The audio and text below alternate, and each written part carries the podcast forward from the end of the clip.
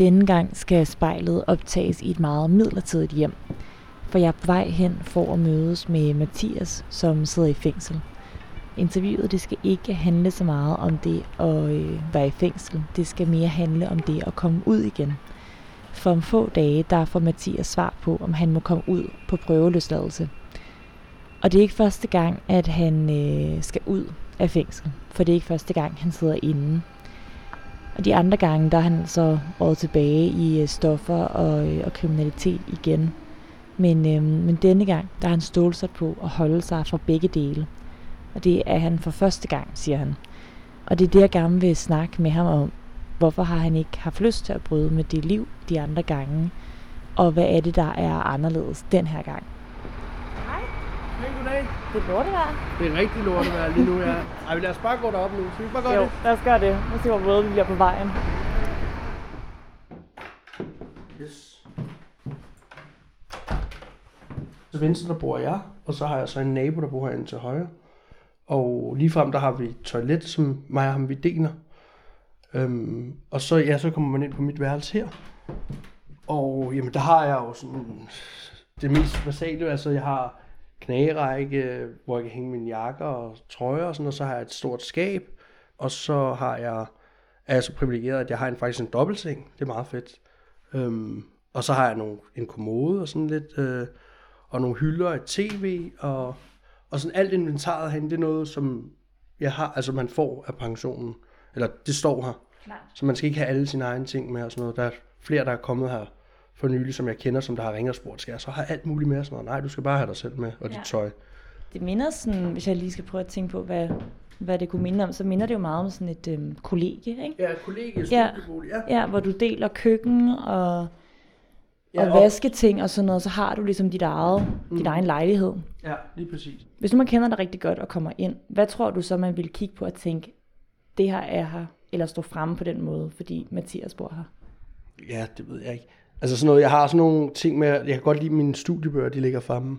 Og jeg ved ikke, øh, jeg tror det er lidt for at, sådan at påminde mig selv om, at det er det, jeg er i gang med. Men det er også sådan for at fremvise over for andre. Det er også fordi, at jeg sådan godt kan lide, at folk siger, Nå, okay, du er i gang med studier, og ja, det ligger der. Og så ligger der nogle bøger, jeg læser i de der fællesskaber, jeg kommer i. Øh, nogle 12 fællesskaber, ikke? de ligger også fremme. Og sådan, fordi det er, jeg praktiserer jeg rigtig meget. Og hvis man ikke ved, hvad et 12 fællesskab er, hvad, hvad, hvordan vil du så forklare det? For mig så er det et fællesskab af mænd og kvinder, hvor man, altså man alle sammen har det samme problem. Eller, altså for mit vedkommende, så har det været stoffer og kriminalitet. Øhm, jeg tænkte på i forhold til sådan, at nu det er jo ikke dine egne møbler og sådan noget, det er jo noget, du har jo ikke selv valgt at indrette det præcis sådan her. Mm. Hvornår havde du sidst dit eget sted, hvor du selv kunne bestemme præcis, hvordan du ville indrette det? Jamen det havde jeg tilbage i 2017, tror jeg. Øhm, efter jeg var ude for en ulykke med mit ben, så lå jeg på sygehus i 4-5 måneder eller sådan noget. Og, og så fik jeg en lejlighed på en akutliste i Holbæk. En rigtig fed lejlighed faktisk i noget, der hedder Ladegårdsparken i Holbæk. Og den var jeg med til at indrette selv. Jeg kunne ikke rigtig noget selv på grund af mit ben, men min familie og venner hjalp mig rigtig meget, og den var jeg vildt glad for, men, men jeg var ikke færdig med, med at være misbruger og kriminel. Så den mistede jeg faktisk rimelig hurtigt igen. Hvordan mistede du den?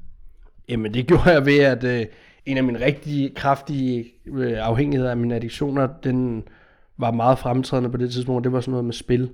Så jeg spillede hele min husleje op, lige snart pengene gik ind, og, og spillede også mere op end det, øhm, fordi jeg lavede kriminalitet. Jeg tror, jeg lige har fået en regning på det nu her, og den er på, jeg tror næsten 100.000 faktisk, øh, for 4-5 måneders husleje og gebyr og alt det der, der kommer ovenpå, og så pludselig jeg også har smadret lejligheden sådan rimelig meget, ikke? Øhm, så den mistede jeg. Jeg kunne jo egentlig godt tænke mig, at, øhm, at vi tog den del af interviewet foran det der spejl. Ja. Øhm, du har meget stort spejl der. Jeg ved ikke, om, øhm, om du vil sidde med det, eller om du vil sidde med det lidt mindre, jeg har taget med. Ja, men bare lad mig tage det der, du har taget. Ja, Sådan der. Ja. perfekt. Nu er jeg klar. Nu kan jeg se mig selv. Kanon. Du lytter til spejlet. Tusind portrætter, en generation. Jeg hedder Anne Laura Hedegaard. Jamen, jeg hedder Mathias, og jeg er 32 år gammel. Og lige nu så er det, som jeg laver sådan på daglig basis, det er, at jeg er i gang med pædagoguddannelsen. Og det er jeg mega glad for, jeg hvis man ikke kender dig, det vil de fleste, der lytter jo ikke gøre, hvordan vil du så beskrive den person, du, du sidder og kigger på nu? Øhm, jamen, så vil jeg beskrive den person, jeg kigger på nu, som en tilregnelig person, og som en kærlig og omsorgsfuld person. Og det er også fordi, at det er noget, jeg har fået at vide igennem den her clean time, jeg har nu. Og det er sådan, det er meget rørende for mig at få det at vide, og sådan, når jeg møder nogen, der ikke kender mig, og jeg så fortæller min historie, så nogle af dem, de er sådan, det, det, det kan simpelthen ikke passe. Du, du har da ikke været kriminel, du har da ikke været misbruger, du har da ikke været en, altså en narkoman. Og var sådan, jo, jeg har. Det tror de slet ikke om mig. For mig så bekræfter det også, at man kan være rigtig, rigtig langt ude, og være rigtig tæt på at dø rigtig mange gange, som jeg har været, og så kan du alligevel faktisk komme tilbage. Så længe du ikke dør, så kan du komme tilbage. Og det er også det, når jeg ser mig selv i spejlet, at jeg er et bevis på, det kan godt lade sig gøre. Øhm, og så lægger jeg mærke til, at jeg er god nok, som jeg er. Det føler jeg mig faktisk nu, når jeg kigger i spejlet. Og på trods af, at jeg ikke er blevet klippet i næsten en måned, og jeg ikke har fået trimmet mit skæg og sådan noget, så, så føler jeg mig faktisk god nok, som jeg er. Bliver du overrasket over, at du tænker, at du er god nok, når du kigger dig selv i spejlet nu?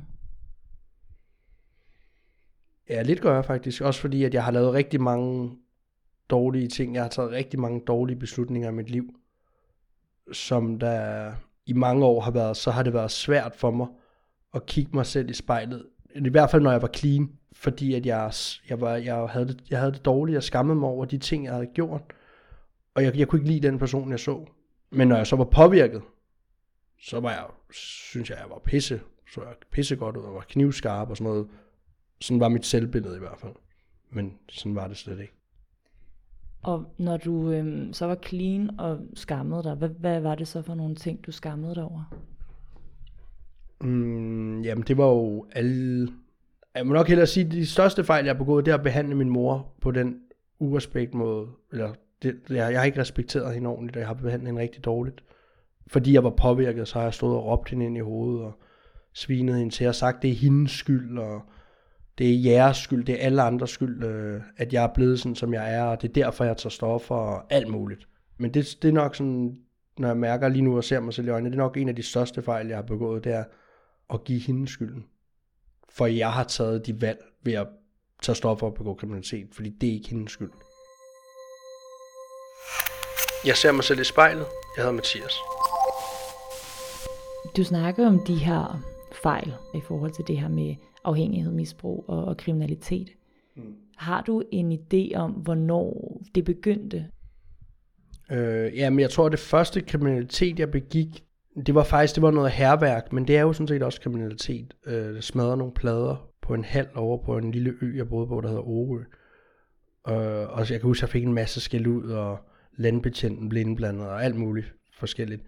Men, men det der med at, at blive konfronteret med noget, som man har gjort, som man ikke må, det bliver, jeg blev ikke så fanget af det dengang, men så lidt senere, da jeg var 13 år, så begik jeg mit første indbrud med en, på daværende tidspunkt, min allerbedste kammerat. Øhm, politiet kontaktede min mor og alt sådan noget, og så viste det sig, at vi blev set ude ved det der sommerhus af, af en kvinde, og sådan, og hende der kvinde havde set en mørk person derude, og jeg var nærmest den eneste mørke på den ø, troede jeg.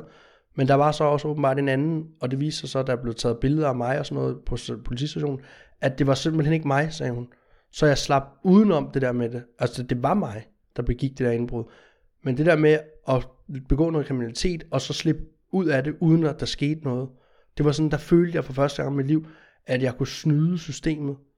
Og det tændte en eller anden voldsom gnist op i hjernen på mig, om at, at jeg følte, at, at jeg var klogere end alle andre. Altså sådan, jeg kan gøre noget, og så slippe godt afsted med det. Og så fik jeg bare blod på tanden for at lave kriminalitet. Og så lavede vi et indbrud efterfølgende, hvor vi fik nogle penge og sådan noget, og så, så fik jeg rigtig meget blod på tanden. Altså, så begyndte jeg at lave kriminalitet hele tiden. Hvor ofte øh, var hele tiden? Jamen, jeg vil tro, det har været sådan på ugenligt basis, måske en, en enkelt gang, og så, og så var det sådan mere misbruget. Altså, jeg var 13 år, da jeg prøvede LSD første gang, og 14-15 år med coke og amfetamin. Og sådan, så var det sådan lidt mere det, der sådan trak. Men på et tidspunkt, så kom, skal man jo også bruge nogle penge, ikke? Øh, så det blev begyndt sådan at blive sådan lidt salg og handel med stoffer i den lave ende, ikke? Og så da jeg blev 16-17 år, så begyndte det at eskalere. Og så 17-18 års alderen, så kriminaliteten, den blev sådan gennemtrængende. Og min uddannelse øh, som maskinsnikker, det blev sekundær. Det, det primære, det var kriminalitet. Men så aller, aller først før, der begyndte at komme penge i det i forhold til at skulle jo kunne købe de her ting, du har begyndt at øh, blive afhængig af også, der var det den her følelse af at være klogere end andre, altså kunne snyde andre, der, der trak eller hvad? Ja, det var det.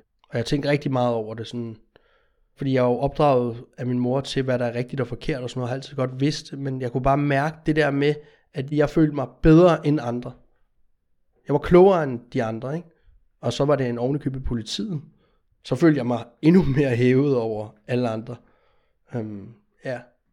Hvis nu, at det var dig som 13-årig, jeg sad og snakkede med nu, hvordan, øhm, hvordan, hvordan var du som 13-årig?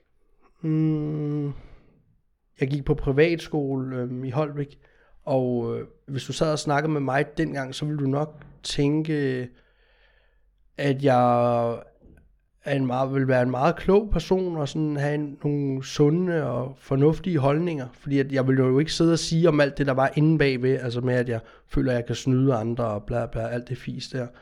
Men, men, men dengang så gik jeg meget op i at låne og læse om euforiserende stoffer, ja, det gik jeg rigtig meget op i. Og så læste jeg om det, og så gik jeg hjem til min mor og sagde, se hvad der står her mor, hvis man bliver ved med at tage amfetamin i en længere periode, så bliver man paranoid og føler sig forfulgt, og det samme gælder kokain og has og de forskellige stoffer, og hun var sådan, gud nej, og det må du love mig, min søn, det gør du aldrig, og sådan nej, det kunne jeg aldrig finde på. Er du fuldstændig vanvittig, sagde jeg til hende, det, er jo, det kunne jeg aldrig nogensinde finde på at gøre. Men samtidig med, at jeg sagde det, så når jeg læste om det, så tænkte jeg bare, det skal jeg prøve, fordi det kan ikke passe. Det, det, det sker ikke for mig i hvert fald. Så, så jeg sagde, og jeg fik det hele til at lyde som om, at det kunne jeg aldrig finde på at gøre, og var interesseret i det, og være nysgerrig på det, men det var ikke noget, jeg ville prøve, men det gjorde jeg alligevel. I de sidste 17 år, der har det mest dominerende og mest fremtidende været jagten på alt, hvad der har med et kick at gøre. Jeg ser mig selv i spejlet, og jeg hedder Mathias. Kan du prøve at beskrive øhm, de år der, hvor det var det primære? Altså, da det sådan blev det primære, der var det sådan, der var det sådan, at jeg var i gang med en uddannelse, en faktisk en god uddannelse som maskinsnikker. Øhm, men, men samtidig med det, så var jeg så draget af det med kriminalitet, af, altså de materielle goder, jeg kunne få ud af det, penge og, altså det var indbrud, jeg lavede rigtig meget, ikke? Og, og da det blev det primære, så var det sådan, så, så overskygget det alt andet, altså alt andet, det blev sekundært. Det var vigtigere og mere attraktivt, end min egen familie var. Langt mere. Det var det, var, det, var det der betød alt for mig. Mine tætteste relationer og kriminalitet og stoffer, det var det. Det har jeg tænkt rigtig, rigtig meget over. Det var jo også det der med, at vi alle sammen havde øh, adskilt os og distanceret os fra samfundet. Det var os mod dem, mod verden, ikke?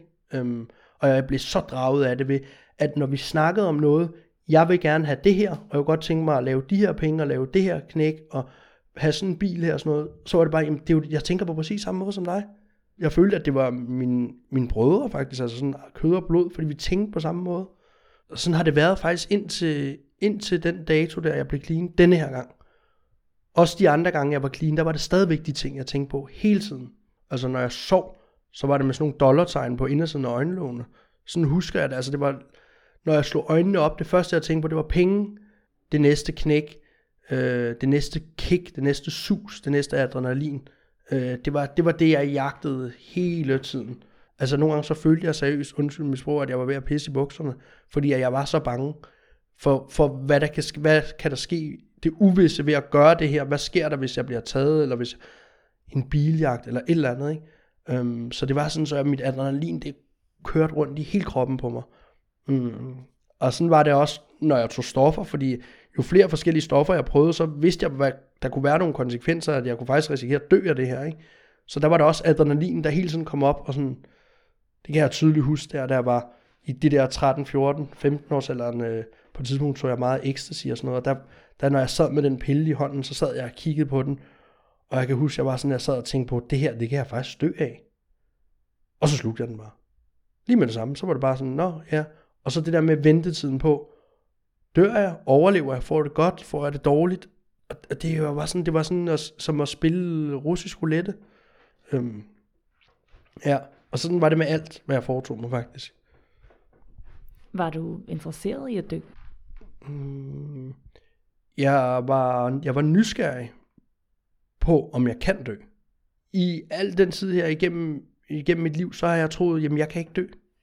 Og når jeg har taget den ene overdosis efter den anden, så, så har jeg også bare været sådan vågnet op, og så bare, nå, men det døde jeg heller ikke af. Og så folk har sagt, skal du ikke, er det ikke nu, du har, tager du ikke en beslutning om at stoppe nu? Nej. For jeg døde jo ikke, jeg kan ikke dø, tænkte jeg.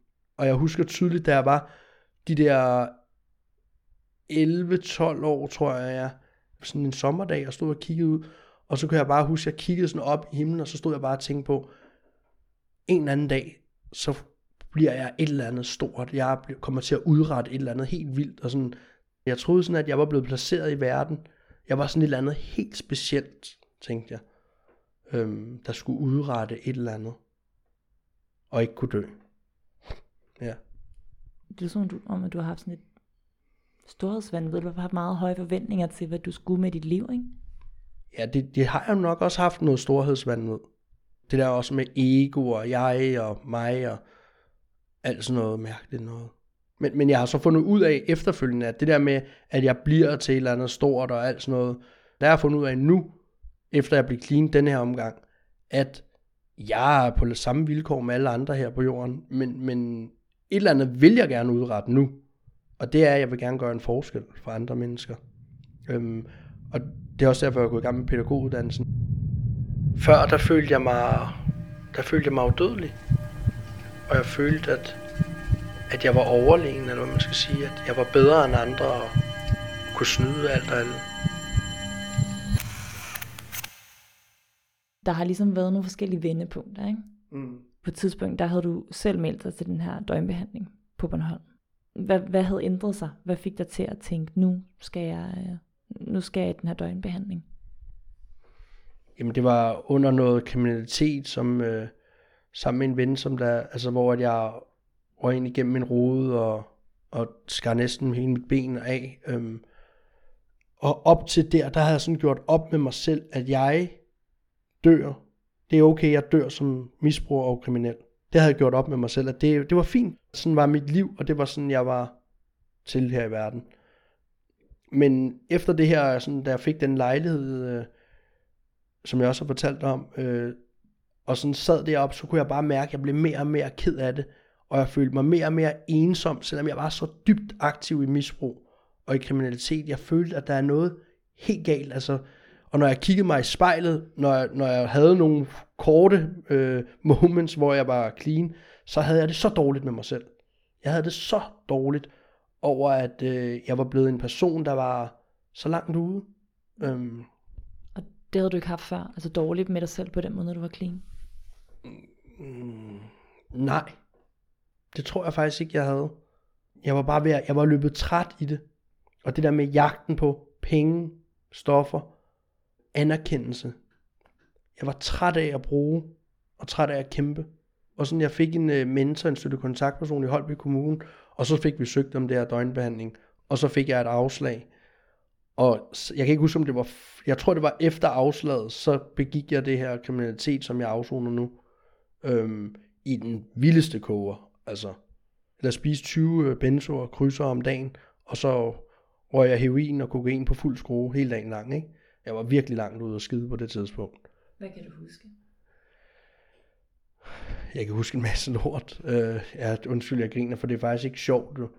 Øhm, fordi at, øh, nu lyder det også mærkeligt, men noget, der skulle være noget mere normalt indbrudsagtigt, gik over og blev til noget, som der sådan udviklede sig til et røveri, øh, eller et forsøg på røveri, og, og det var noget, der gik ja, fuldstændig galt.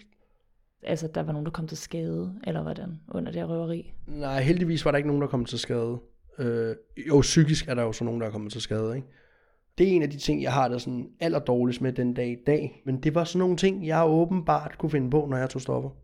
Og det, kunne, det vil jeg aldrig nogensinde være. Jeg vil ikke komme så langt ud, sådan, så jeg kan være en del af at begå et røveri og våben og alt sådan noget. Og det var også en beslutning, jeg tog om, da jeg kom i døgnbehandling og havde min første clean dag. Der slog jeg en streg i sandet og sagde, at jeg skal ikke tage noget igen. Og det gælder alt. Det gælder også alkohol. Øhm, så det har været den sådan helt store skillevej for mig. Så du stoler ikke på Mathias, når han har taget noget? Det er der ikke nogen, der skal gøre her på jorden. Så er jeg dybt, dybt, dybt utilregnelig. På alle fronter. Og det kan jeg godt mærke nu, når jeg ser og ser mig selv i spejlet, at det er sådan... Det er nok det mest sande og det mest ærlige, jeg nogensinde har sagt, det er, at når jeg er påvirket af euforiserende stoffer, så er jeg dybt utilregnelig. Så kan du ikke stole på mig på nogen som helst områder. Den her gang, så er det, som der er blevet det mest attraktive i mit liv, det er at være afholdende for stoffer, kriminalitet og alkohol. Og jeg hedder Mathias. Hvor lang tid er det, du ender med at være på den her øh, døgnbehandling på Bornholm? Jamen, jeg blev hentet den 5. december øh, 2018, og der havde jeg 25 dages clean. Så stod politiet derovre. Tre betjente, sådan som jeg husker det. Og stod med det her efterretnings, altså i civil tøj og sådan noget, og så vidste jeg godt, at det her det er seriøst. Og sådan, øh, behandleren der derovre fra, han spurgte politiet, sådan, kan, kan jeg regne med, at Mathias han kommer tilbage? Eller, og så, nej, og så ser jeg sådan, og jeg spillede sådan uskyldig og sådan noget, ikke? Hvad er det, jeg er sigtet for? Hvad, hvad er det, I prøver her? Altså, jeg har jo ikke gjort noget. Altså, sådan, og så siger de, jamen, vi sigter dig her med for hjemmerøveri og våben. Og så vidste jeg godt, og jeg har også gået og tænkt over, om det overhovedet var rigtigt, det der, der var sket. Altså, sådan, om, det, om det var sket og sådan noget. Det, det var det jo, og så det gik op for mig, okay, nu er jeg, nu er jeg på den. Men, men jeg prøvede at være så fattet, som jeg overhovedet kunne. Og så var det sådan, at jeg nåede lige at få den der bare for i dag med, og så en anden bog, øh, jeg selv havde nået at købe til et møde, jeg var til derovre på Bornholm. Øhm, og det var sådan det, jeg blev foreslået af min behandler, det er, at han sagde, hold dig nu til de her bøger her, og, og, så, og så sagde han til mig, at du skal bare holde dig for nogle meget få ting. Bare lad være med at lave noget nyt kriminalitet, og så bare lad være med at tage noget. Og så tænker jeg, hvor fanden står han og siger det til mig nu? Altså, det, det skulle da det eneste, jeg kommer til at gøre nu, det er at tage noget igen, og så at lave kriminalitet. Fordi nu får jeg jo bevis igen for, at det er alle andres skyld, og nu skal jeg ind og sidde og bla bla bla bla. Og så gav han mig et farvelgram, og så hele vejen fra Bornholm af, fra behandlingssted, og så til Rønne detention, der tænkte jeg med håndjern på, der tænkte jeg, hvad fanden gør jeg nu, mand? Skal jeg gøre det, han lige sagde, eller skal jeg bare fortsætte så godt, som jeg har prøvet på hele mit liv? Og det var også sådan, jeg havde allerede overvejet, hvordan, når jeg kom op i den her, det her resthus, så ved jeg, at jeg vil nok ikke kunne finde nogle hårde stoffer lige den første dag, eller den, men jeg, og jeg var også sådan taget om, jeg, jeg skal ikke bare ryge lidt hast, det ved jeg, det ville jeg kunne få nærmest første dag. Men hvis jeg skulle få noget, så skulle det være det kraftigste og det voldsomste, og så skulle det være sådan noget, der er jo nogen, der får metadon sådan nogle steder også, ikke? så var det bare, eller et eller andet, jeg, man kan få noget ind, så det noget, der skulle gøre sådan, så at jeg kommer derud, hvor jeg enten kan dø, eller det der med at lege med døden. Så jeg vidste, at hvis jeg tager noget igen, så dør jeg. Og så besluttede jeg mig faktisk for, jeg kan huske, der er sådan en gang fra politistationen, og så ind til arresten, den, det er sådan i sammen nærmest. Og lige det, jeg træder ind over dørtærsken, så kunne jeg bare mærke, okay, nu er jeg nærmest hjemme, fordi jeg har været mange gange inde og sidde, eller i hvert fald i detention og i arresthus og sådan noget. Og så kan jeg bare mærke, nu træder du ind i noget, som du gerne vil væk fra. Første gang i mit liv, så er det ikke noget med, at jeg vil ind og lære at møde alle mulige, at kende og nye idéer og sådan noget. Så nu tager jeg en beslutning om, at jeg holder mig for at tage noget og begå ny kriminalitet nu. Og så har jeg bare valgt at holde fast i det. Og så ved hjælp af de bøger, jeg læste i, da der var gået to-tre måneder, så rev jeg fat i dem, for så var jeg så presset, så kunne min stedighed den kunne ikke holde mig clean mere. Så jeg blev nødt til at læse de her bøger, og så læser jeg dem hver dag. Da jeg havde min første clean dag den 11. 11. 2018, der, der fik jeg en, en åbenbaring, at, at jeg havde valgt igennem 17 år at leve på en helt forkert måde. Og så tog jeg et bevidst valg om, at øh, nu vil jeg noget andet, jeg vil gøre en forskel og leve et andet liv. Er du faldet i siden? Nej, ikke en eneste gang. Ikke med stoffer, kriminalitet og alkohol. Men så min addiktion, den viser sig jo på alle mulige andre måder. Og det kan godt være svært for, for folk, som der ikke er addicts, at forstå. Øhm, altså så er det for eksempel sådan noget som altså mad. overspisning, overtræning. Det kan være alt muligt. Det kan være sex, det kan være porno, det kan være, det kan være løb, det kan være alt muligt. Øhm, men jeg, jo, jeg har været afholdende 100% øh, fra, fra alkohol og stoffer øh, og kriminalitet. Øh, jeg er siden den 11. 11. 2018. Næsten tre år, ikke? Det, det har jeg det virkelig godt med. Det er den fedeste og den bedste beslutning, jeg nogensinde har taget i hele mit liv. Og nu, øhm, nu skal du jo faktisk snart ud øh, på prøveløsladelse. Mm-hmm. Hvornår, øhm, altså, hvornår, hvornår skal du det? Jeg har faktisk lige snakket med Kriminalforsorgen i går. Øh, de ringede til mig, og øh, jeg skal til sådan en øh, samtale her den 2. november, hvor at øh, Kriminalforsorgen, de skal vurdere, om jeg er egnet til at blive prøveløsladt. og øh, hvis, den så, hvis hun så mener, at det er jeg, så skal den tages op i Kriminalforsorgen, og så skulle jeg gerne have et svar inden den 8. Så det er jo virkelig, virkelig snart. Hvad, øh, hvad forventer du dig af, hvad, hvad der skal ske, når du kommer ud? Jeg forventer, at, at jeg holder fast i den, de beslutninger, jeg har taget for næsten tre år siden. Ikke? Og jeg forventer, at, øh, at jeg ser verden og oplever verden på den måde, som jeg har gjort i hele min clean time den her gang. Altså det der med at være nysgerrig på et andet liv. Et liv, som jeg aldrig troede på kunne komme til at fungere for mig. Øhm, og jeg har også haft gået i en periode og været sådan frygtet det. Åh oh, nej, nu skal jeg ud og sådan noget. Fordi at jeg tog en beslutning om, at jeg vil noget andet den her gang. Ikke? Men, men samtidig med det, så har jeg jo også været i et system, der er bestemt over mig. Nu skal jeg ud, og så går det sådan her i sommer for ja, to-tre måneder siden, så gik det op for mig, at når jeg kommer ud, så kan jeg jo faktisk begynde at vælge selv, vil jeg gøre noget, der er kriminelt, og uden der rigtig sker noget. For eksempel sådan har jeg sådan en historik med, at jeg har kørt rigtig meget bil, uden at have kørekort. Ikke? Øhm, og når jeg, hvis jeg gør det nu, så ryger jeg tilbage i fængsel. Men når jeg kommer ud, bliver løsladt her i december måned, så kan jeg godt vælge at køre i en bil, og så blive stoppet af politiet, og så sker der ikke noget, jo, jeg får en bøde på, jeg ved ikke, 7-8.000 eller mere, men det er ikke sådan, at jeg ryger direkte i fængsel. Men det er sådan noget, jeg, nogle ting, det er jo noget, jeg har gået og tænkt over, jamen så kan jeg, jeg kan også vælge for eksempel at købe en stjålet cykel, eller en stjålet knallert, eller et eller andet. Og der kan jeg bare mærke, det er også noget af det, som jeg har, sådan, har nogle forventninger til, at det skal jeg bare ikke gøre. På et tidspunkt, så var der et, en til et møde, en jeg kender rigtig godt, øhm, han sagde sådan, øh, at øh, man bliver, hvad man spiser. Hvis du render rundt med kriminelle, hvis du render rundt med misbrugere, jamen så kommer du også til at tage noget. Og det har jeg prøvet så mange gange i 10 år, og det er det, jeg kommer til.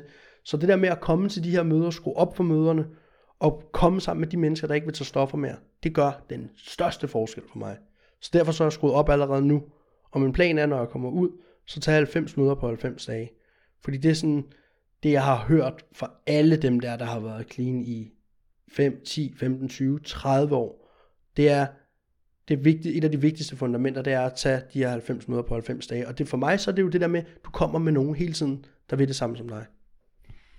Men betyder det så også, at der er nogle mennesker fra altså de sidste, hvad sagde du, 17 år af dit liv, hvor det her har, altså kriminaliteten og stofferne og alkoholen har været dominerende? Betyder det så også, at der er nogle af de mennesker, som der ikke er plads til nu i dit sådan, altså fra du kommer ud? Ja, det er der helt sikkert. Altså, de fleste af dem, dem har jeg jo allerede skilt fra. Og det er sådan noget, det kommer helt automatisk. Altså det der med, når, når de opdager, at jeg har fundet en ny måde, eller jeg har valgt en ny måde at leve på, så er det også, så ved de godt, at så distancerer vi os fra hinanden. Og det, det, har, det er noget, jeg har været så bange for i mit liv, altså at miste mine relationer og sådan noget. Men, men det har været nemt nok for mig den her gang, fordi at jeg vil noget, og de vil noget andet, ikke? Og det lyder jo også virkelig som om, du, du virkelig gerne vil det her nu, vil det andet, ikke? Men samtidig så har du også været indenfor, og er kommet ud og har begået kriminalitet igen. Og um, jeg tror, man siger, at to tredjedel af dem, der har været i fængslet, de kommer ud, og så begår de ny kriminalitet. Så sådan statistisk set, at det er jo lidt sådan, altså imod dig på en eller anden måde, ikke? Så hvorfor, øhm, hvor, hvor, hvor, hvad er det, der gør dig så sikker på, at den her gang er anderledes? Er du ikke bange for at falde igen? jeg, jeg vil ikke sige, at jeg er bange. Jeg, jo, jeg frygter det jo måske, at hvis jeg skulle ryge i, men det er ikke sådan, at jeg går og tænker, åh nej, hvad nu hvis jeg ryger i og sådan noget, fordi jeg har føler, at jeg har så stålfast i min beslutning. Øhm, og det, har jeg, det er første gang i mit liv, jeg har været så dedikeret til det her. Fællesskabet og mit program og min struktur og alt, hvad jeg foretager mig. Men så er der nogle andre ting, som jeg går og sådan er bekymret for. Altså så er det sådan noget som, øh, om, jeg, om jeg bliver for, om jeg går for meget i besættelse af træning, eller det kan være alt muligt. Øh, mad, kvinder, det kan, være, det kan være alt her på jorden. Men samtidig med det, så ved at være i det her fællesskab, og jeg har en sponsor, det er det, mm, også det mest banebrydende for mig. Det er jo en, som der kan vejlede mig, en, der har gået de her skridt før mig. Det med, at jeg kan vende og drøfte med ham, det gør, at jeg føler mig så sikker, og føler mig så godt tilpas i alt, hvad jeg foretager mig faktisk. Og hvad med folk omkring dig? Øh, altså din, du har nævnt din mor for eksempel, mm. ikke? Øhm, tror de på, at, at du mener det den her gang? Ja, det gør de. Det gør de faktisk. Øh, jeg kan sådan mærke, at min mor, hun troede på mig den dag, jeg fik min dom, den 11. 11. 2019, der havde præcis et år clean, der stod hun og græd ind i retten, og jeg tænkte, åh nej, nu knækker hun helt sammen. Og så da jeg fik givet hende et kram, så sagde hun, jeg er bare lykkelig. Og så tænkte jeg, hvad snakker du om? Jeg har lige fået fire og et halvt år. Så siger hun, jamen du er clean. Og så var jeg bare sådan, wow. Og så gik det sådan op for mig, hvor det er sygt. Og min sponsor stod der, alle mulige mennesker, som der har hjulpet mig på min vej. Min stefar og min bror og sådan de stod der. Og, og så kunne jeg bare mærke, jamen ved du hvad, min familie, de tror på mig for en gang skyld. Når jeg har haft en måned, to måneder, tre måneder, så har det været sådan, åh, vi tror på dig og sådan noget, men så finder du ud af, at nu er jeg røget i, og igen, og igen, og igen, ikke? Og sådan for hvert år, altså nu er det jo så kun to år, snart tre år, men da jeg ramte det år der, så var det bare, nu vidste min mor godt, nu er den der. Og det er jeg dybt stolt og taknemmelig over. Det er, har jeg også fundet ud af, at det er faktisk det vigtigste, ud over mig selv, at jeg selv tror på det, det er, at de tror på det. Jeg ser mig selv i spejlet. Jeg hedder Mathias.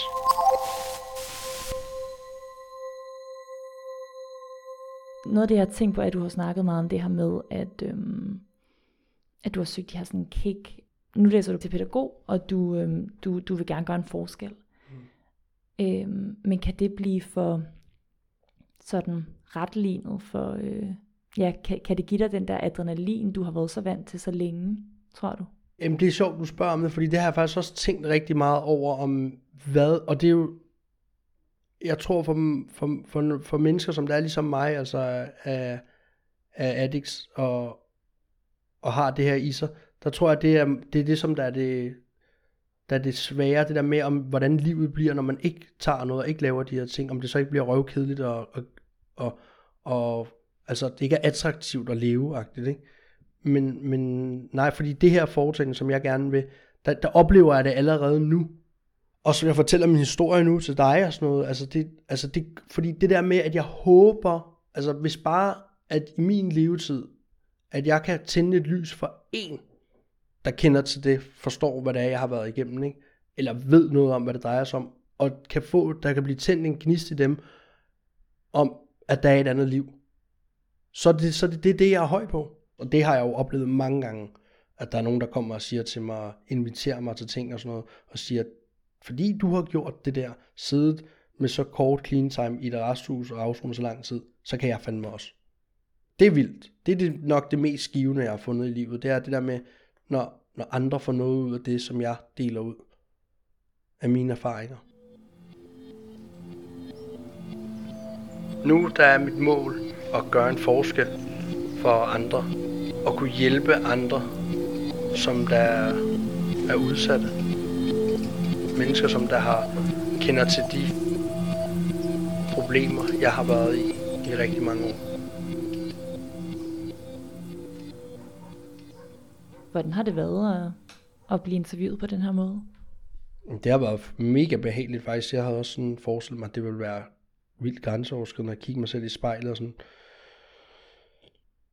Jeg har også været meget i tvivl, om jeg skulle gøre det her, eller hvordan, og været nervøs for, om der sker noget efter, og sådan noget, om folk vil dømme mig og sådan noget. Men jeg har også bare nået frem til, at også imens jeg har fortalt, så har jeg også siddet og tænkt over, om jeg skulle og sige, at det skal vi ikke gøre, det skal ikke, må ikke komme ud og sådan noget, men der er jo, jeg skjuler jo ikke noget, og jeg udleverer ikke nogen, og jeg, jeg sidder ikke og sviner nogen til, altså jeg taler om mig selv. Øhm, det, har været, det har været helt cool. Øhm, og jeg tænker også, at det har rigtig meget at gøre med, at for en gang skyld, så sidder jeg ikke og lyver. Altså det har jeg ikke gjort i, altså jeg lyver jo stadigvæk en gang, men det gør alle mennesker. Men jeg fortæller ærligt, hvordan det er, hvordan det har været, og hvordan det er nu. Altså jeg sidder ikke og har fundet på alle mulige løgnhistorier. Øhm, så, så jeg har det rigtig godt lige nu, kan jeg mærke. Altså jeg er så, nu, nu får jeg også det der adrenalin, hvor det sådan... Hvis du eller en du kender skal være med i spejlet, så skriv til os på Instagram.